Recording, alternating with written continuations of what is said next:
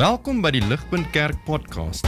As Ligpunt Gemeente is dit ons begeerte om God te verheerlik deur disippels te wees wat disippels maak en 'n kerk te wees wat kerke plant.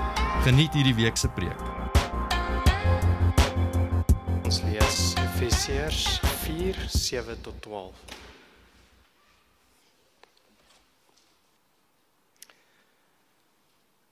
But grace was given to each one of us according to the measure of Christ's gift. Therefore, it says, When he ascended on high, he led a host of captives, and he gave gifts to men. In saying he ascended, what does it mean but that he had also descended into the lower regions, the earth? He who descended is the one who also ascended far above all the heavens, that he might fill all, all things. And he gave the apostles, the prophets, the evangelists, the shepherds, and teachers to equip the saints for the work of ministry, for building up the body of Christ. Dit is die woord van God.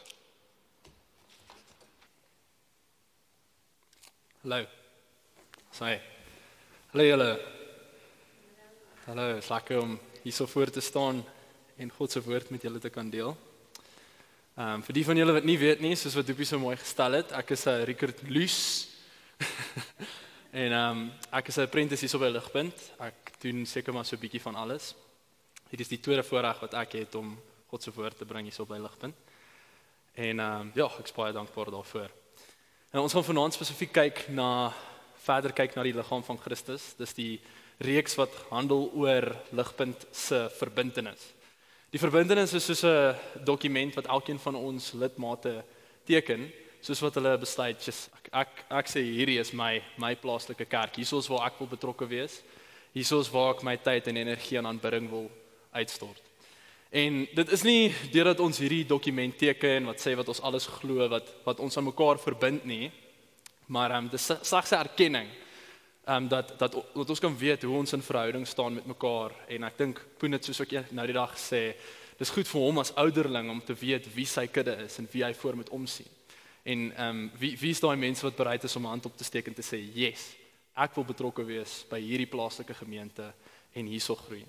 En um, en ek dink dis die hart agter hierdie reeks want dis die die punt van dit is om te sien is dis ontvang uit God se woord uit soos ons sien hierso in Efesiërs 4 Dit praat van dat ons almal verbind is in die liggaam van Christus. Dis hoekom die term verbintenis genoem word. Maar voordat ons verder aangaan met hierdie boodskap, um, wil ek graag net gou vir ons open met gebed. Hemelse Vader, Jesus Christus, Heilige Gees, drie enige God. Dankie dat ons na U toe kan kom, so groot en heilig en almagtig soos wat U is sonder om te vrees dat u um ons wil straf, maar in Christus kan ons na u toe kom wetend dat daar vir ons vrede is, dat daar vir ons genade is. Um dat ons dat ons met volle vrymoedigheid na u troon toe kan kom.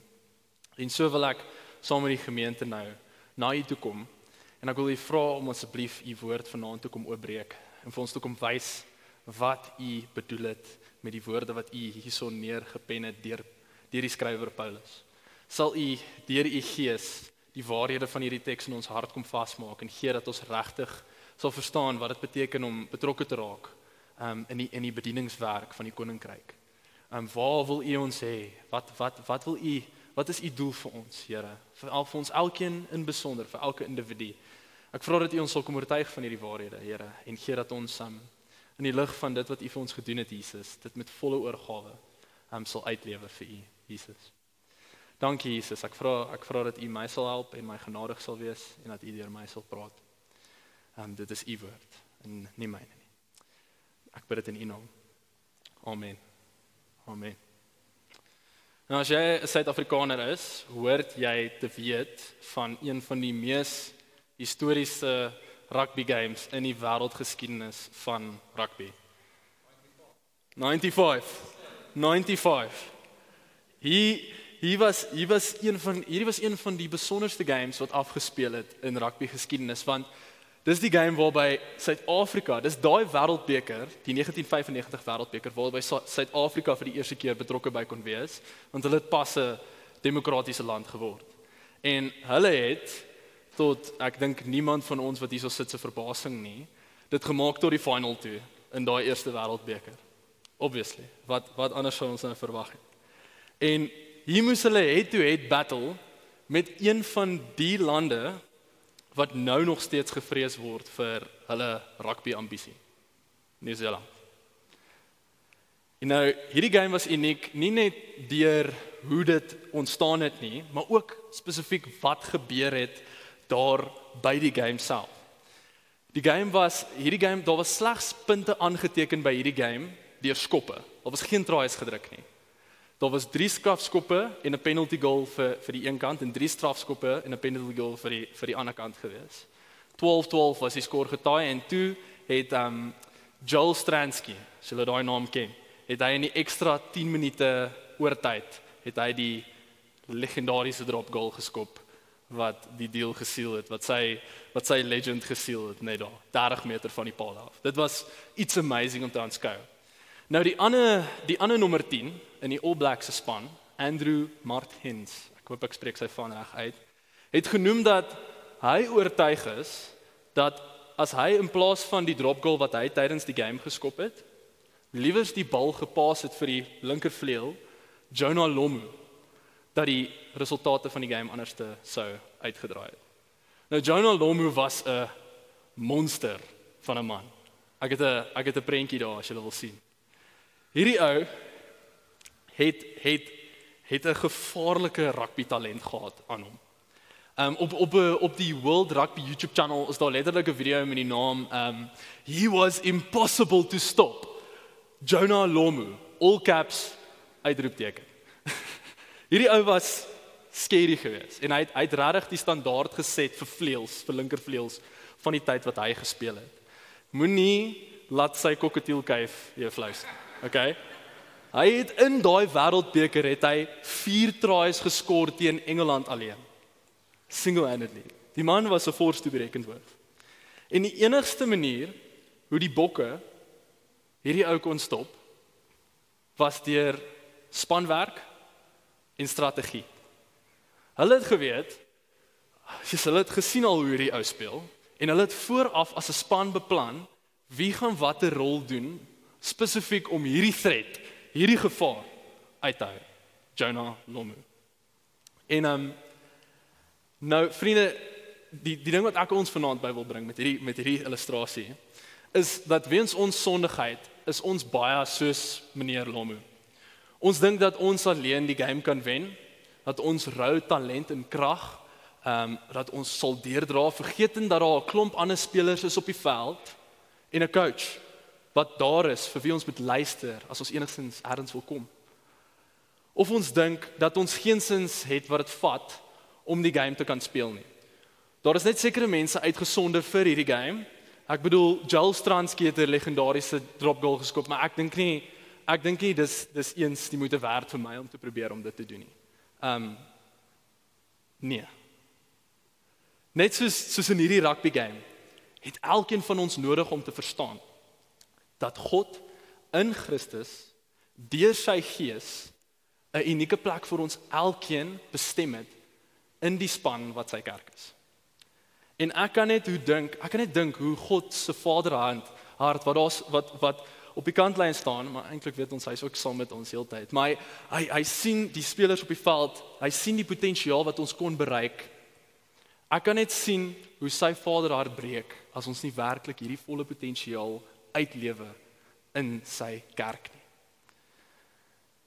Ehm um, as as ons nie ons gawes gebruik om hom te aanbid en sy mense op te bou nie. Nou voordat ons verder kan beweeg met hierdie boodskap, is dit nodig dat ons bietjie moet onthou wat die konteks is van die boek van Efesiërs. Ehm um, en en bietjie van die vorige week se boodskap. Die brief begin het 6 hoofstukke en hy begin hoofstuk 1 tot 3 spesifiek met die doktrines en die waarhede. Hier is hier hier is 'n baie omvattende deel wat ek dink ehm um, wat wat daai deel regtig goed opsom. Dis Efesiërs 1 vers 7 tot 10. In him we have redemption through his blood, the forgiveness of our trespasses, according to the riches of his grace, which he lavished upon us in all wisdom and insight, making known to us the mystery of his will, according to his purpose, which he set forth in Christ, as a plan for fullness for the fullness of time, to unite all things in him, things in heaven and on earth. So in Efesiërs 1 sien ons dat God het voor die skepping van die aarde alreeds besluit en 'n plan gehad om in sy wysheid en almag sonder sondaars te red en te verenig met homself. Sondaars wat deur hulle sonde regverdiglik hulle self van hom geskei het. Hy het hierdie gemaak voor die skepping van die aarde, het hy hierdie plan gemaak. En in Efesiërs 2 sien ons hoe God sondaars red. Dit sê vir ons in Efesiërs 2 vers 8 For by grace you have been saved through faith. Dis nie op die skerm nie. God red sondaars deur geloof alleen. Deur sy genade en dit alleen word ons gered, soos wat ons glo in Jesus Christus dat hy die een is wat gesterf het in ons plek aan die kruis. En deel van hierdie groot genade wat ons dan sien is dat Jode en Grieke en mense van elke volk, stam, nasie, taal en ras kan saam met Christus verenig word en een word. En um hoor hoor net hoe sê Efesiërs 2 vers 13 tot 16 dit. But now in Christ Jesus you who were once far off. Dis nou die gentiles, dis ook mense soos ek en jy wat nie oorspronklik Jode is nie. Have been brought near by the blood of Christ. For he himself is our peace who has made us both one and has broken down in his flesh the dividing wall of hostility by abolishing the law of the commandments expressed in ordinances, that he might create in himself one new man, place in the place of the two, so making peace, and might reconcile us both to God in one body through the cross, thereby killing the hostility. So nou sien ons al hier. Paulus is al reeds besig hierso om te raak aan diversiteit. Die dinge die ding wat ons vanaand spesifiek oor gaan praat. Hy is al reeds besig om te sien hierso hoe God vooraf bestem het en besluit het dat hy verskillende mense een gaan maak. En wat wat in God se volk kan ons dan sien dat dat dis dis soos wat Nelson Mandela wat daai einste 1995 game bygewoon het, gesê het, dis soos 'n God se volk is 'n reënboognasie.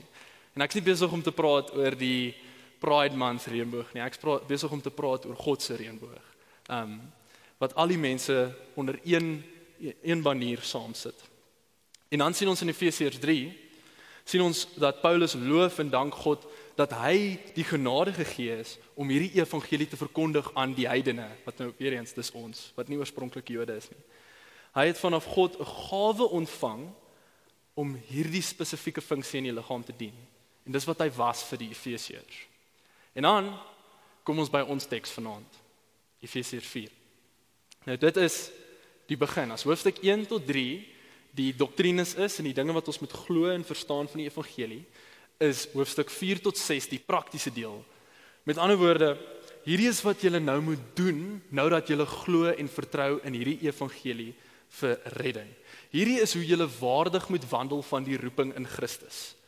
Hierdie is ons gameplan teen die duiwel, die vyand, die wêreld. Hierdie is hoe ons hoe, hoe ons hierdie is ons strategie wat ons moet wat ons moet gebruik om deur hierdie lewe saam te kom. En die eerste ding wat ons laasweek gesien het, wat Stef met ons oor gepraat het, is eenheid. God het in Christus ons reeds aan mekaar verbind. Ons is een. As ons as as ek en jy glo in Jesus, is ons een. Ons is ons is verbind aan mekaar. En hy roep ons om daardie eenheid te behou en te koester deur saam te leef in nederigheid en sagmoedigheid en vrede en in liefde. En dis wat ons laasweek gesien het. Maar vanaand gaan ons fokus op die diversiteit. Moenie vergeet dat net omdat jy een is, beteken nie dat jy elkeen 'n verskillende of ander rol is het in die liggaam nie. Net omdat jy een het, een is, beteken nie dat jy eenders of eenvormig is nie. Daar is in 'n rugby team coaches, stitte, flanke, slotte, vleuels, Ons 'n klomp verskillende rolspelers wat hulle daar's 15 spelers wat op die veld uitdraf en ons agter reserves en elkeen van hulle het nodig om saam te werk sodat hierdie span die opponent kan wen. Elkeen is nodig om die liggaam op te bou. En die punt, die hoofpunt van hoofstuk ag van vers 7 tot 12 wat ek wil hê ons moet vanaand sien is Jesus gee elke gelowige 'n verskillende en unieke gawe waardeur hulle aangespoor deur sy woord die liggaam moet opbou. Dis wat ek wil hê ons moet vanaand sien. En ons gaan eers kyk na vers 7 tot 10 en dan gaan ons voortbeweeg en kyk na vers 11 tot 12. So kyk eers saam met my na die eerste vers. As jy 'n blaadjie het of 'n Bybel, kyk asseblief saam met my. Vers 7, Efesiërs 4 vers 7. But grace was given to each one of us according to the measure of Christ's gift. Jesus gee elkeen in die hele liggaam 'n ander gawe. En Jesus sê hy doen hierdie ding, hy doen dit deur sy groot genade. Hy gee vir ons genade. Die Griekse woord vir grace wat gebruik word in hierdie vers is charis. En 'n um, ander woord wat julle al dalk baie meer bekend mee is, is die woord vir genadegawes, charismata. En die idee wat gekommunikeer word hierso is dat ons gena genadegawes word vir ons gegee soos wat ons deel word van Jesus se kerk. In Romeine en Korintiërs sien ons Paulus praat oor hierdie gawes. En in Romeine 12 is 'n deel wat ek wil vir ons lees wat wat ek dink spesifiek mooi vir ons bietjie bietjie uitpak presies wat Paulus hierso bedoel. Romeine 12 vers 3 tot 8. For by the grace given to me, I say to everyone among you, not to think of himself more highly than he ought to think, but to think with sober judgment, each according to the measure of faith that God has assigned. For as in one body we have many members, and the members do not all have the same function, so we, though many, are one body in Christ, and individually members of one another, having gifts that differ according to the grace given to us. Let us use them, if prophecy, in proportion to our faith, if service, in our serving, the one who teaches in his teaching the one who exhorts in his exhortation, the one who contributes in generosity, the one who leads with zeal, the one who does acts of mercy with cheerfulness. Hierdie is insane. Soos wat Janine nou net gebid het, as ons glo en vertrou in Jesus Christus vir redding, kry jy 'n massive groot geskenk en dis die ewige lewe. Maar bo-op daardie geskenk ontvang jy genade op genade. Jy ontvang 'n spesifieke gawe wat God vir jou bestem het. En jy het niks gedoen om hierdie gawe te verdien of om in jouself te verwek of op te bring nie. Dit kom vanuit God af. Hy is die bron. En nou bietjie van 'n side tangent. Wat dink julle van die charismatiese beweging? Ek dink elkeen van ons wat dalk hier so sit, het ons preconceived ideas en ons redes hoekom ons nie hou van die charismatiese beweging nie. Vir die van julle wat nie weet nie, die charismatiese beweging is spesifieke kerke wat in besonder uit daarop is om te sê dat ons moet doeltreffend die, die, die hoof groot ding van wat ons doen hier so by die kerk is ons moet profesie en tale spraak en die geestelike gawes najag. Um, want anders is God nie besig om te werk in ons midde nie. Nou ek sê vanaand hierso om te praat oor die abuse, die misuse of die disuse van die die gifts of the spirit. Dis nie waaroor ek hier is om te praat nie. Maar wat ek hierso sien in Efesiërs 4 vers 7 dat die kerk van nature charismaties is in hierdie sin van die woord. Elkeen van ons het deur God se genade 'n gawe ontvang. Dit beteken ons is charismaties. So vir mense wat sommige van ons hier sit dalk nie dit sou wil sê nie. nou, dit wat interessant is, want dan sien ons dat 'n Bybelse kerk is 'n groep gelowiges geseënd met God gegeewe diverse genadegawes wat hulle geroep word om te gebruik om die liggaam te dien. Is dit nie awesome nie?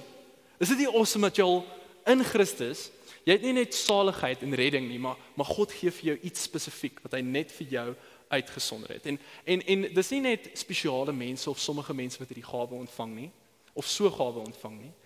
Elke liewe een van ons het so gawe. Dis wat hierdie vers sê vir ons.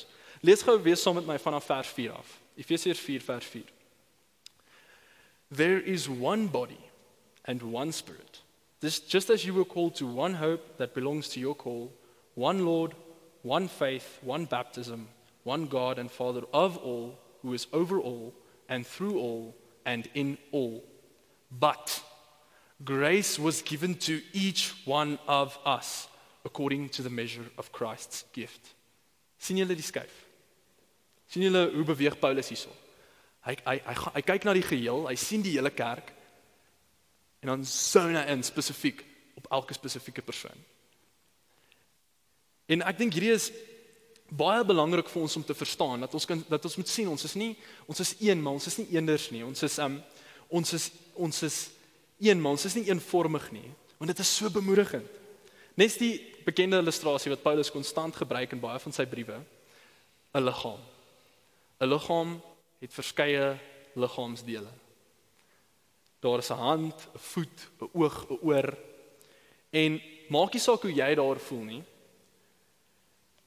Ehm um, die mond, die die predikante, kom sê maar dis die predikante, is net so nodig soos die ore, die gemeentelede wat sit en luister.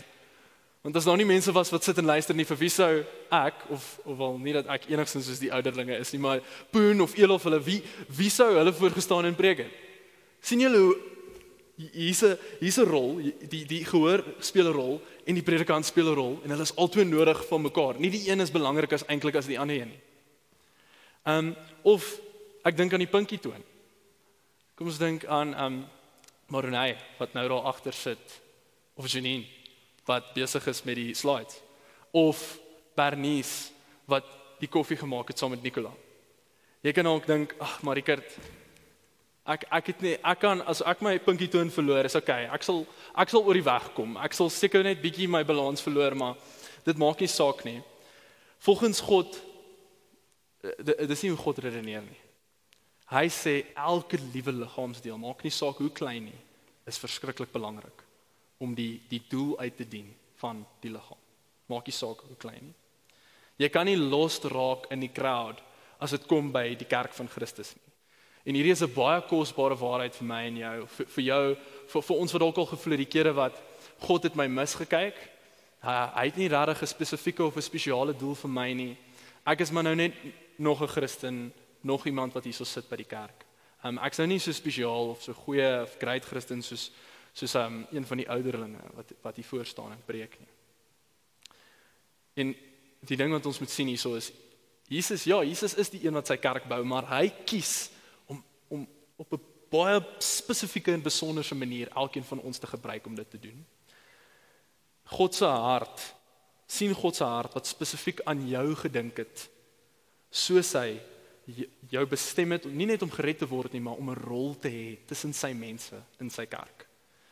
En en die volgende ding wat ons sien nog steeds in hierdie selfde vers is Jesus bepaal presies wat jou gawe is en hoeveel jou gawe is. Kyk kyk weer saam met my. Verder sê dit the gift of grace was given according to the measure of Christ's gift. Nou, Jesus is die een wat die Gees ontvang het without measure. En met hierdie Gees wat hy ontvang het without measure, is is hierdie manier wat Paulus hierso sê, hy gebruik 'n fancy fancy woorde om net basically te sê Jesus is die een wat besluit wat elke liewe een se rol en gawe is in sy liggaam. Net soos in Korintiërs wat dit ook sê dat dan um, die Heilige Gees distribute sy gawes deur die liggaam soos wat hy wil. Nie soos wat ons wil nie. Dis dis absoluut deur sy genade gegee. So hy is die een wat besluit of jy 'n oog of 'n hand of 'n mond of 'n pinkie toon is. Paulus brei verder hierdie illustrasie uit in Korintiërs en hy sê hoe kan hoe kan die hele liggaam 'n oog wees? Of hoe kan hoe kan die hele liggaam hoe kan die hele liggaam 'n mond wees? kan nie werk nie. Dis nie hoe liggaam funksioneer nie. Nee. Weet wat sal dit help as daar net 'n klomp Johan van Aswegens was wat hierso rondgehardloop het? nee. Ons ons kort ber, ons kort Jankus, Bernies, Frans, Stefans. Ons kort Ilse Marie, ons kort Mias. Ons kort allerlei verskillende mense om dit wat hierso ons hierso wil doen en deur die week doen om mekaar op te bou, te laat werk. Dis hoe God dit gemaak het. Want die realiteit is elke liewe een van ons bring iets anders na die tafel toe. Elke liewe een. Ehm um, Poen het vir my 'n storie vertel. Ehm um, sies ek moet nou eintlik nie sy naam noem nie, maar dit is 'n baie goeie storie. dat wat hy gesê het dat sies hy en een van sy vriende, hy het 'n dreinprobleem gehad by sy huis. En hy sukkel toe al vir 2 ure op hierdie Saterdagmiddag om hierdie dreinprobleem uit te sorteer. En hy besluit toe om vir vir Rudolf te bel, een van die ouens van die gemeente. En met Rudolf Rudolf kom maar aan en hy kyk net so en hy vra vir hy vra vir vir Anshin, Spoon se vrou om 'n om 'n speeltjie te bring om te kyk net sodat hy 'n uh, 'n uh, uh, make-up speel, speeltjie te bring sodat hy net dit in die in die pyp in kan druk en spesifiek sien wat fout is.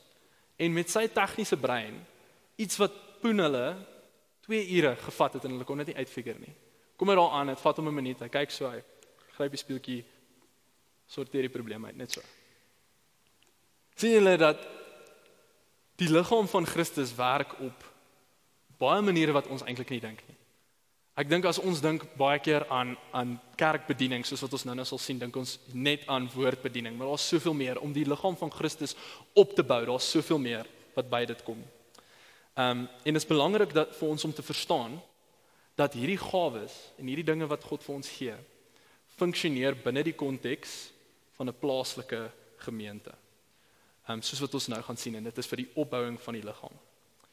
Ehm um, want ja, soos die meeste van ons het hierdie idee dat as as jy geroep is vir bediening, moet jy uitgaan na Afrika land toe en 'n sendeling word en arme mense gaan help en vyf kerke plant. Nou dit kan jou roeping wees en dit kan jou gawe wees. Don't get me wrong. Maar as as jou roeping spesifiek is om 'n rekenkundige te wees by 'n spesifieke werksinstansie. En jy kan op 'n besondere manier byvoorbeeld betrokke raak by die tutoring in Mamelodi op Saterdag. Is jy besig om God se doel en roeping en gawe vir jou lewe uit te lewe? Dis amazing. Dis dis dis mind-boggling want dink geraan as dit as dit God se doel en roeping vir jou lewe is, is dit die gawes wat hy vir jou gegee het. Dan beteken dit dit sal tot 'n mate vir jou ongehoorsaam wees om te wil uitgaan en vyf kerke te gaan plant in Afrika. Want hy het jou geroep om hier te wees en dit te doen. En ehm um, ja, daar's daar's 'n daar's 'n multitude van maniere waar die liggaam bedien kan word en en gawes wat God gee sodat die liggaam gehelp kan word. En die vraag wat seker brand in elkeen van ons se koppe nou, soos wat ons praat oor genade gawes, is wat is die gawes? Julle wag vir my om dit af te lys. Maar voordat ons dit kan doen, moet ons eers kyk waar die gawes vandaan kom.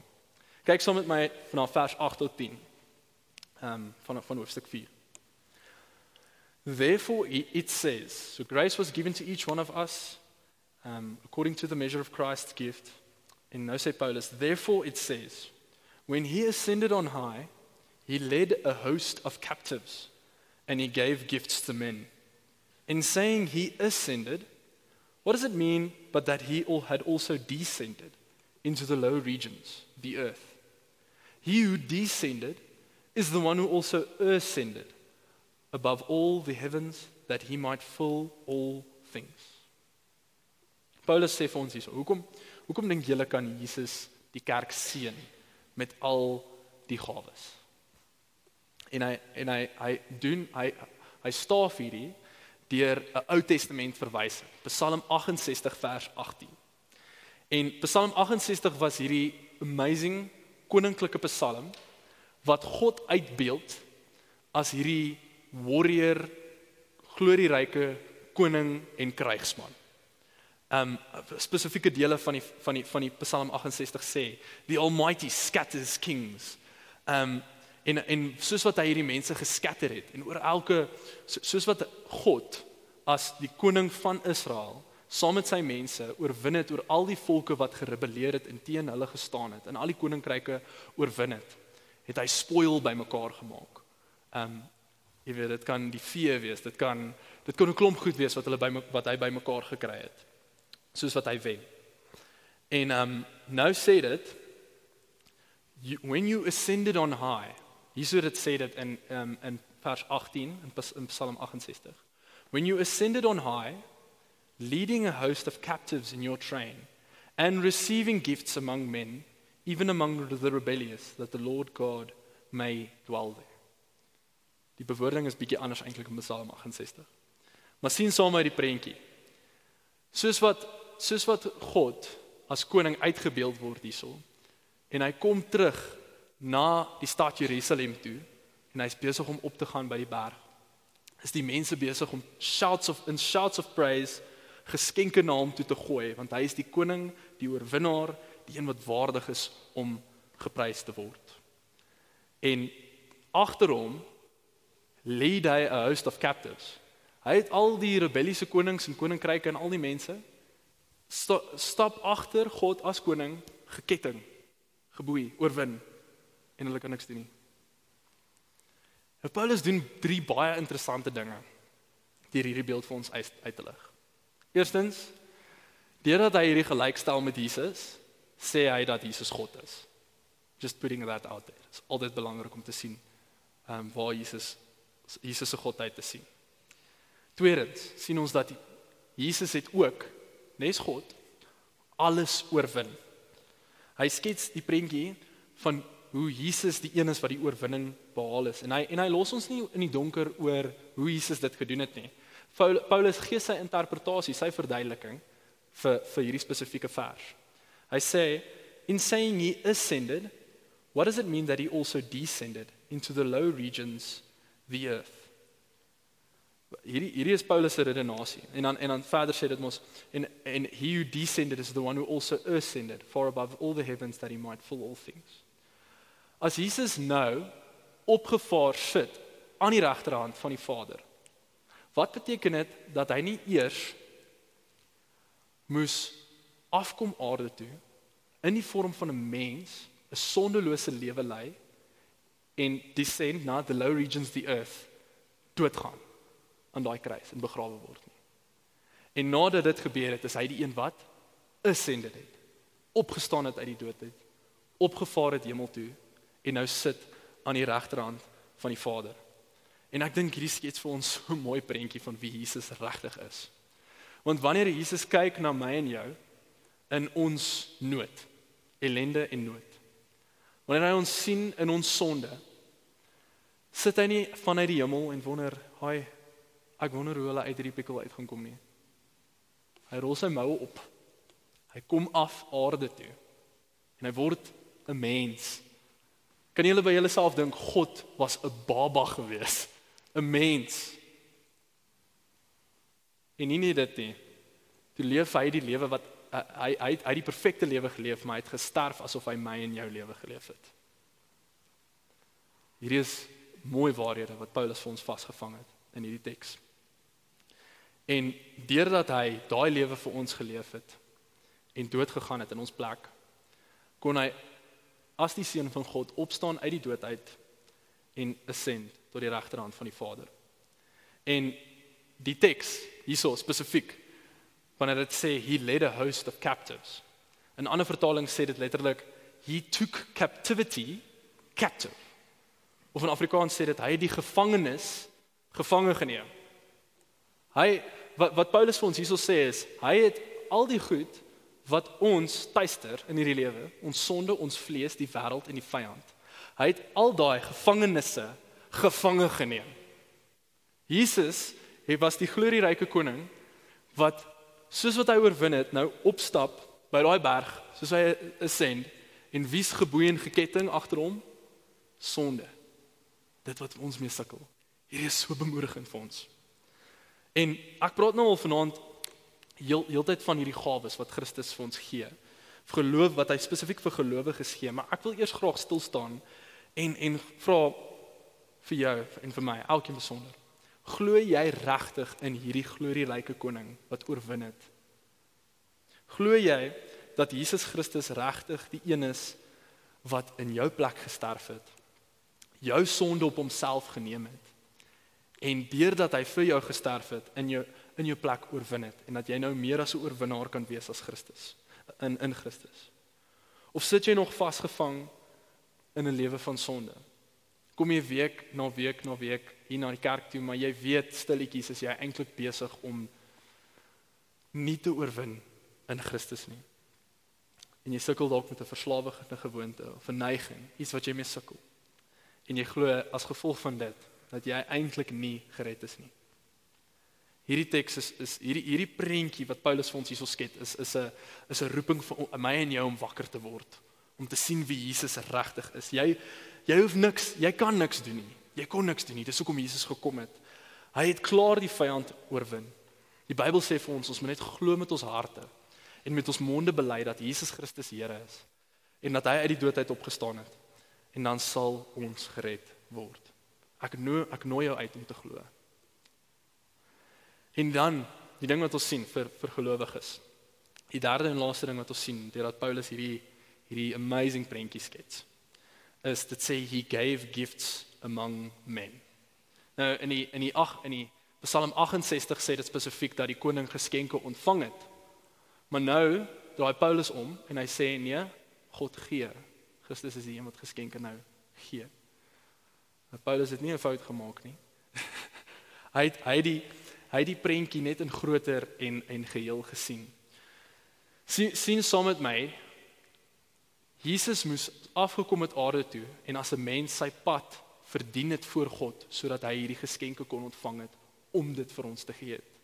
En nou dat hy reeds gekom het, kan Paulus verder sien in die Nuwe Testament en hy kan nou sien dat Jesus die een is wat die gawes gee.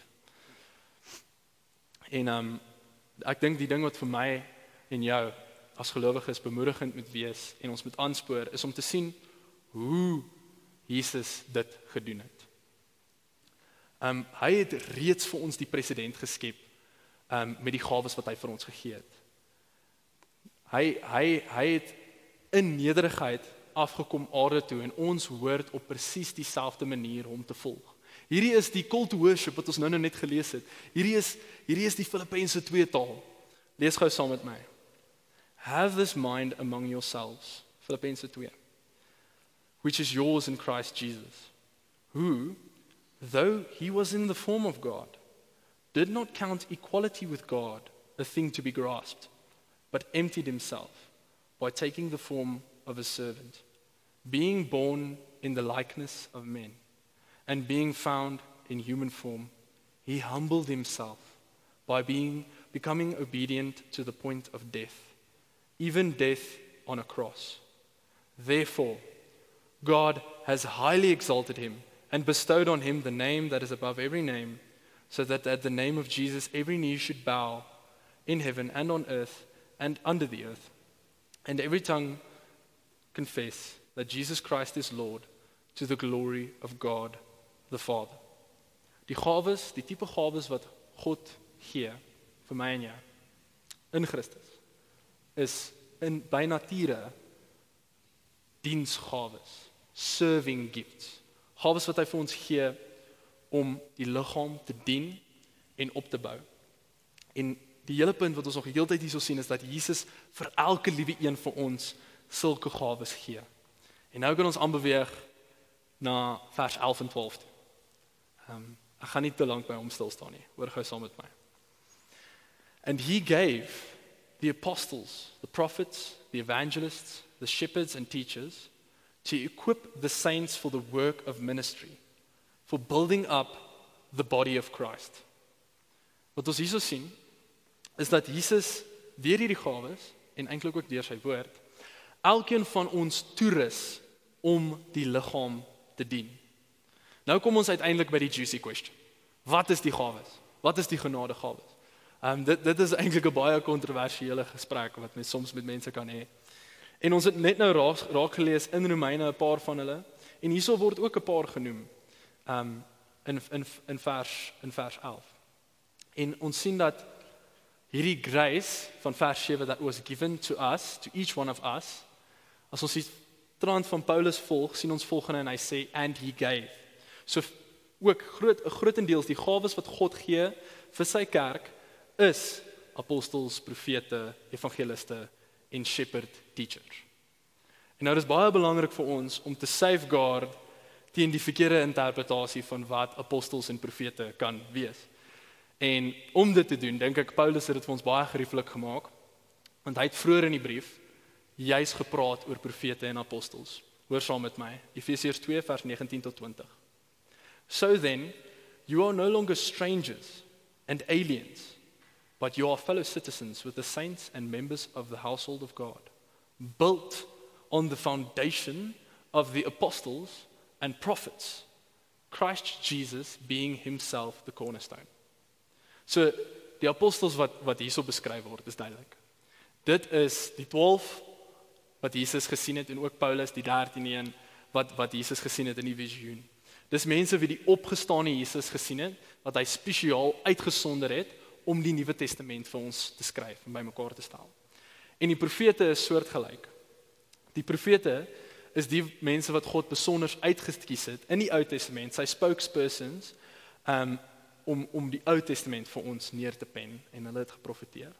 So ek dink dit is vir ons belangrik om te sien wat as enigiemand in vandag se tyd na jou toe kom en sê hulle is 'n apostel en hulle het hierdie autoriteit en jy moet vir hulle luister of hulle is 'n profeet wat profeteer en daar's goed wat bygevoeg moet word tot die Bybel. Sê hierdie vers ons moenie vir hulle luister nie. Want die apostels en die profete is die fondasie van die kerk. Hulle hulle was al reeds ingegee. Ehm um, en dis wat dis wat beweer word hierso met profete en apostels. En verder sê ons sê sê Paulus vir ons daar's evangeliste. En in 'n sekere sin word elke liewe een van ons hier geroep om evangeliste te word. Ons elkeen word geroep om die evangelie te verkondig aan ons naaste en die mense rondom ons, mense te vertel van Jesus, dit wat hy vir ons gedoen het. Um, maar die die spesifiek die evangelis wat hierso van gepraat word, is iemand wat 'n unieke gawe het om op 'n baie verstaanbare manier vir ongelowiges die evangelie uit te lê. Dis die gawe wat hierso van gepraat word, evangeliste. En die laaste een is shepherd and teacher of shepherd teachers. Um, hulle beweer dat omdat daar nie the shepherd and the teacher staan nie, maar daar staan the shepherds and teachers, is dit eintlik een rol. En hierdie is die ouderlinge. Hierdie is die ouderlinge in ons gemeente. Dis Poen, Elof, De Wet, Gert, Jaco hierso by Ligpunt. Of ehm um, ek dink as mens dink net aan teachers, kan jy dink aan teologiese leraars by by colleges. Ehm um, maar dis dis mense wat die wat gawes ontvang het spesifiek om God se kudde te voed met die woord. Dis wat shepherd teachers is. En die ding wat ons moet raak sien van al hierdie gawes in besonder is dat die gawes is woordgawes. sien sien dit saam met my. Apostels en profete het God se woord aanvanklik ontvang aanvanklik ontvang. En die evangeliste en shepherd teachers is hulle wat op daai fondasie dit verder verkondig. Dis alles woordgawes. So ons sien hier dat woordbediening hoort die sentrale ding te wees wat aangaan in ons gemeente as dit kom by the equipping of the saints of the building up of the body. Dis die, dis die die ding wat ons altyd op moet fokus. Dis hoekom ons liedjies sing oor God se waarhede in die woord. Dis hoekom ons hierso sit en die die hoof manier hoe God besluit het om mense te red is deur die prediking van sy woord. Soos wat dit in Romeine sê. Dit sê in hoofstuk 10 dat faith comes from hearing, hearing comes from the word of God. Dit is slegs deur die Here se woord, se lewende woord wat hy dooie sondige mense kan opwek tot nuwe lewe en opbou. Ehm um, so woordbediening hoort sentraal te wees van dit wat ons wat ons doen. En dit is dan maklik om te sien as ons verder lees hoekom God hierdie woordbedieners gegee het. Ehm um, kyk saam met my en weer na na vers 11 en dan weer na vers 12.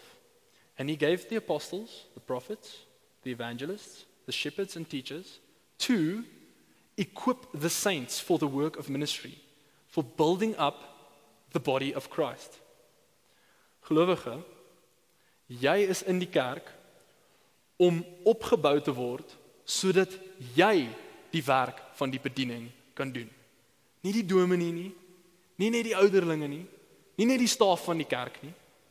Jy ek en jy.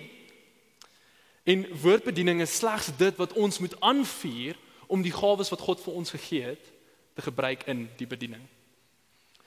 En ont, onthou jy onthou jy 'n keer in jou lewe wat jy 'n preek geluister het en dit het jou so aangemoedig om net te lewe vir Jesus.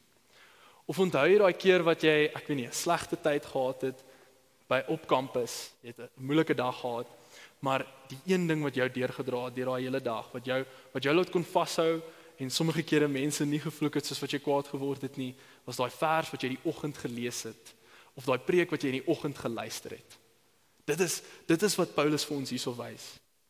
Die ouderlinge en die woordbedieners word gegee om ons op te bou, elkeen van ons op te bou, sodat ons kan uitgaan en ons dien as die kerk, die doel as die kerk verrig. Ehm um, hulle is veronderstel om soos die om vir die liggaam kos te gee en te voed sodat hy die funksies kan verrig en die weights kan optel en kan uitgaan en hardloop op die veld uitdraf as ons nou dink aan 'n rugby game. En weet jy hoe algemeen is hierdie? Ek, ek dink is goed dat ons hier by stil staan want weet jy hoe algemeen is hierdie onder ons skole en ons kerke en ons Afrikaner kultuur dat as iemand groot word en hulle hoor die evangelie en hulle word 'n Christen. En ewe skielik begin hulle net bietjie te veel praat oor Jesus. Hulle begin net bietjie te veel al hulle vriende te vertel by die skool of by hulle werk van hierdie Jesus wat hulle gered het en outomaties die ding wat ons geneig is om te doen is nee, joh, hierdie ou is uitgesonder vir bediening. Hy is geroep. My ek. Maar hierdie ou, Jesus, hy het die die Here het 'n plan met sy lewe. En ehm um, die waarheid wat ons hierso sien is nee. Daardie ou is eintlik net 'n gelowige. Op die ou eind is hierdie tipe redenasies um die die dinge wat ons gebruik as gelowiges in ons sondigheid om nie te wil opstep tot die challenge van ministry en bediening. En en volgens volgens die vers is is dit leuns. Die die die rugby spelers word nie en en ek dink dit is goed vir ons om hierdie te sien. Die rugby spelers word nie heen en weer gery op die bus deur die coach nie. Um die coach speel ook nie saam met die rugby spelers op die veld nie. Die coaches is daar om week na week saam met die spelers te oefen, hulle te lei en hulle te leer sodat hulle die game kan gaan speel op die veld. Dit is shepherd teachers. Dit is die coaches wat God vir ons gegee het, vir sy kerk gegee het om ons op te bou vir bedieningswerk. Ehm um, die die evangeliste en die shepherd teachers is nie bedoel om al die werk van die bediening te doen nie. Hulle kan nie. Hulle kan nie. Die kerk, Jesus het elke liewe een van ons nodig. Hy hy, hy het ons nie nodig nie, maar hy het ons nodig om die bedieningswerk te doen. Dis 'n spansport. Dis 'n group project. En elke gelowige word in een of ander kapasiteit ehm um, geroep tot een of ander vorm van bediening of dit nou is in die kerk of in hulle elke dag se lewe.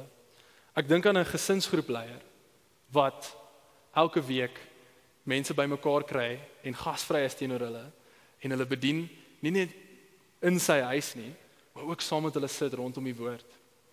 Ek dink aan elke liewe een van die mense in daai gesinsgroep wat in mekaar se lewens inspreek wanneer dit sleg wanneer wanneer iemand iewers afgestaan het in die gesin afgestaan het aan die dood waar mense, verskillende mense letterlik Jesus se hande en voete kan wees vir mekaar in daai gesinsgroep terwyl daar nie eers 'n ouderling naby aan hulle is nie. En ehm um, hier ek dink ook aan 'n ek dink ook aan 'n reken 'n rekenkundige weer eens ehm um, wat as 'n enkel ma sukkel in haar gesinsgroep om haar finansie finansies uit te sorteer en ons net te veel wat aangaan na lewe. sien ek iemand wat spesifiek begaafd is met geld om te werk met geld en 'n stoor te wees van geld en om iemand te help om te met hulle finansies oor die weg te kom. En ons daar's talle voorbeelde as dit kom hierso by ligpunt. Ek dink aan die aksiespan. Hierdie is mense hierdie is mense soos wat ons gesien het in Handelinge dat uh, die die die die die apostels het gesê, hoor julle, ons het nodig om 'n paar mense aan te stel want ons kan nie ons ons het nodig om te fokus op die bediening van die woord. Ons het nodig om mense aan te stel om mense te huisves om die tafels te bedien sodat ons kan fokus op die verkondiging van die woord. En dis basically wat die aksiespan hierso doen elke week. Deur koffie te maak, deur mense wat die stoele span uit met die met die stoele span help. Ehm um, dit dis dis iets besonder wat hulle bydra hierso. Ek dink aan die musikale talente. Die mense wat hier hierso voor staan en God se woord sing vir sy mense. Ehm um, daar daar's talle voorbeelde wat ek wat ek aan kan dink en julle saam met my aan kan dink. En hierdie lering, hierdie tipe lering wat ons hierso sien, bring die hart van die protestante reformatie terug. The priesthood of all believers is wat Martin Luther en John Calvin gesê het. Die einste vers 12 was krities vir hulle gewees om in die 1500s te proteseer teen die, die Romeinse kerk. Want nee, gelowiges het nie priesters en popes nodig om sodat die liggaam opgebou kan word nie, want almal is deel van die priesterdom. Elkeen van ons word geroep om op 'n besondere manier die liggaam te dien. Die die work of the ministry, the building up the body of Christ. Nou, ek dink die lys wat ons sien hierso in vers 11 is nie bedoel om exhaustive te wees nie as dit praat van apostles, um prophets, evangelists, shepherds and teachers. En ons ook ander plekke in die Nuwe Testament, 1 Korintiërs 12 um 13 14 wat praat van die gawes um of Romeine wat wat wat nou-nou vir ons so sewe gelys het. Maar ek dink uh iets wat vir ons behulpsaam kan wees is om te dink dat enige talent wat God vir jou gegee het is iets wat as dit as vir God se koninkryk gebruik word of vir sy mense 'n gawe word in sy koninkryk vir die opbou vir sy mense. Ek het nou onlangs ehm um, spesifiek ek ek het eintlik nog altyd bietjie van 'n passie vir IT. Ek weet nie, ek het 'n tegniese brein en ek hou van om daarvan om probleme op sekere maniere op te los. En nou ek ek, ek vandat ek hier by Ligpunt aangekom het, ek dis nou stupid, maar dan dan kyk ek na die Google Drive folder. Ehm um, wat wat Ligpunt share. En ek dink man, hier is dit so cool wees as ons net hierdie goed net bietjie meer kan orden en op 'n staf op 'n manier saam sit sodat sodat dit net bietjie meer behulpsaam wees dat ons vinniger by ons files kan uitkom dat ons nie nodig het om 'n klomp koppies vir te maak van alles nie. En dan kom ek en dan en dan wil ek dan dan voel van die mense jy's weet jy reker dis eintlik dalk nie so nodig nie maar sien julle hierdie is 'n besondere klein manier wat God, wat ek glo God my 'n gawe gegee het wat ek dalk kan bydra tot sy koninkryk. Die building up of the body kan doen. En ehm um, Ja, en dan laastens, ek dink wat ek wil uitlig is 'n quote van um Eugene Peterson. En um so so so die waarheid wat ons sien van vanaand se teks wat so krities is om te verstaan is dat ons as gelowiges sit nie hier by die kerk eerstens as consumers nie. Ons sit hierso eintlik as dienaars. Lees gou saam met my. The great American innovation in congregation is to turn it into a consumer enterprise. We Americans have developed a culture, culture of acquisition, an economy that is dependent on wanting more, requiring more. We have a huge advertising industry designed to stir up appetites we didn't even know we had. We are insatiable. It didn't take long for some of our Christian brothers and sisters to develop consumer congregations. If we have a nation of consumers, obviously the quickest and most effective way to get them into our congregations is to identify what they want and offer it to them. Satisfy their fantasies, promise them the moon, recast the gospel in consumer terms entertainment, satisfaction, excitement, adventure, problem solving, whatever. This is the language we Americans grow up on, the language we understand. We are the world's champion consumers. So, why shouldn't we have state of the art consumer churches? Given the conditions prevailing in our culture, this is the best and most effective way that has ever been devised for gathering large and prosperous congregations. Americans lead the world in showing how to do it. There is only one thing wrong. This is not the way in which God brings us into the conformity with the life of Jesus and sets us on the way of Jesus' salvation. This is not the way in which we become less and Jesus becomes more. This is not the way in which our sacrificed lives become available to others in justice and service. The cultivation of consumer spirituality is the antithesis of a sacrificial, deny yourself congregation.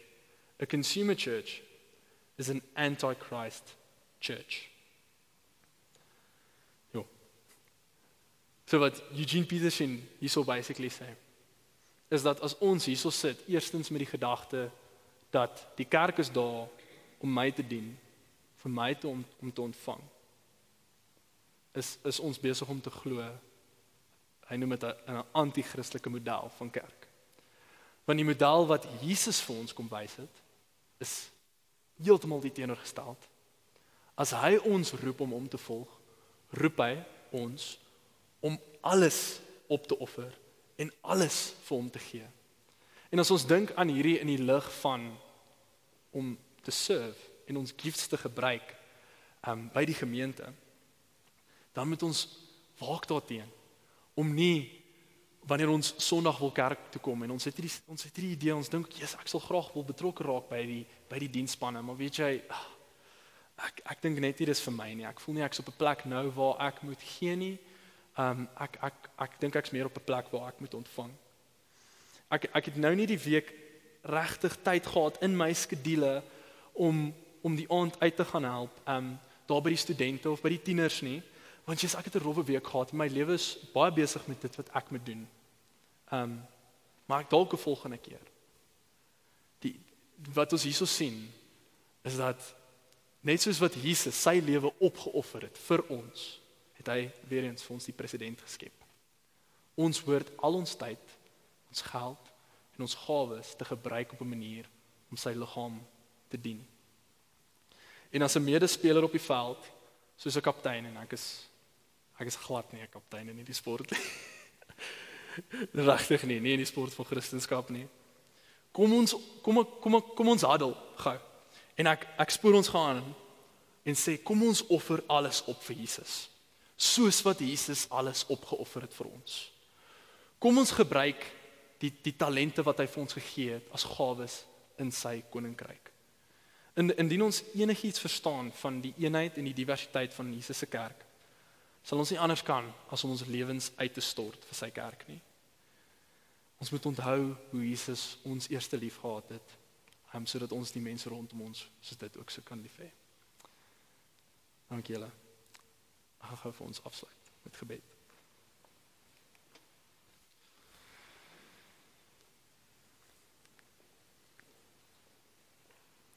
Hemelse Vader, Jesus Christus, dankie dat U vir ons hierdie groot genade gee. Dankie dat U vir ons in Christus redding gee. Dat ons dat ons uh, vry geregverdig voor U kan staan. En maar bo op dit Vader, ek ek dank U dat U vir ons gawes gee. Ek dank U vir die passies wat U gee in ons midde.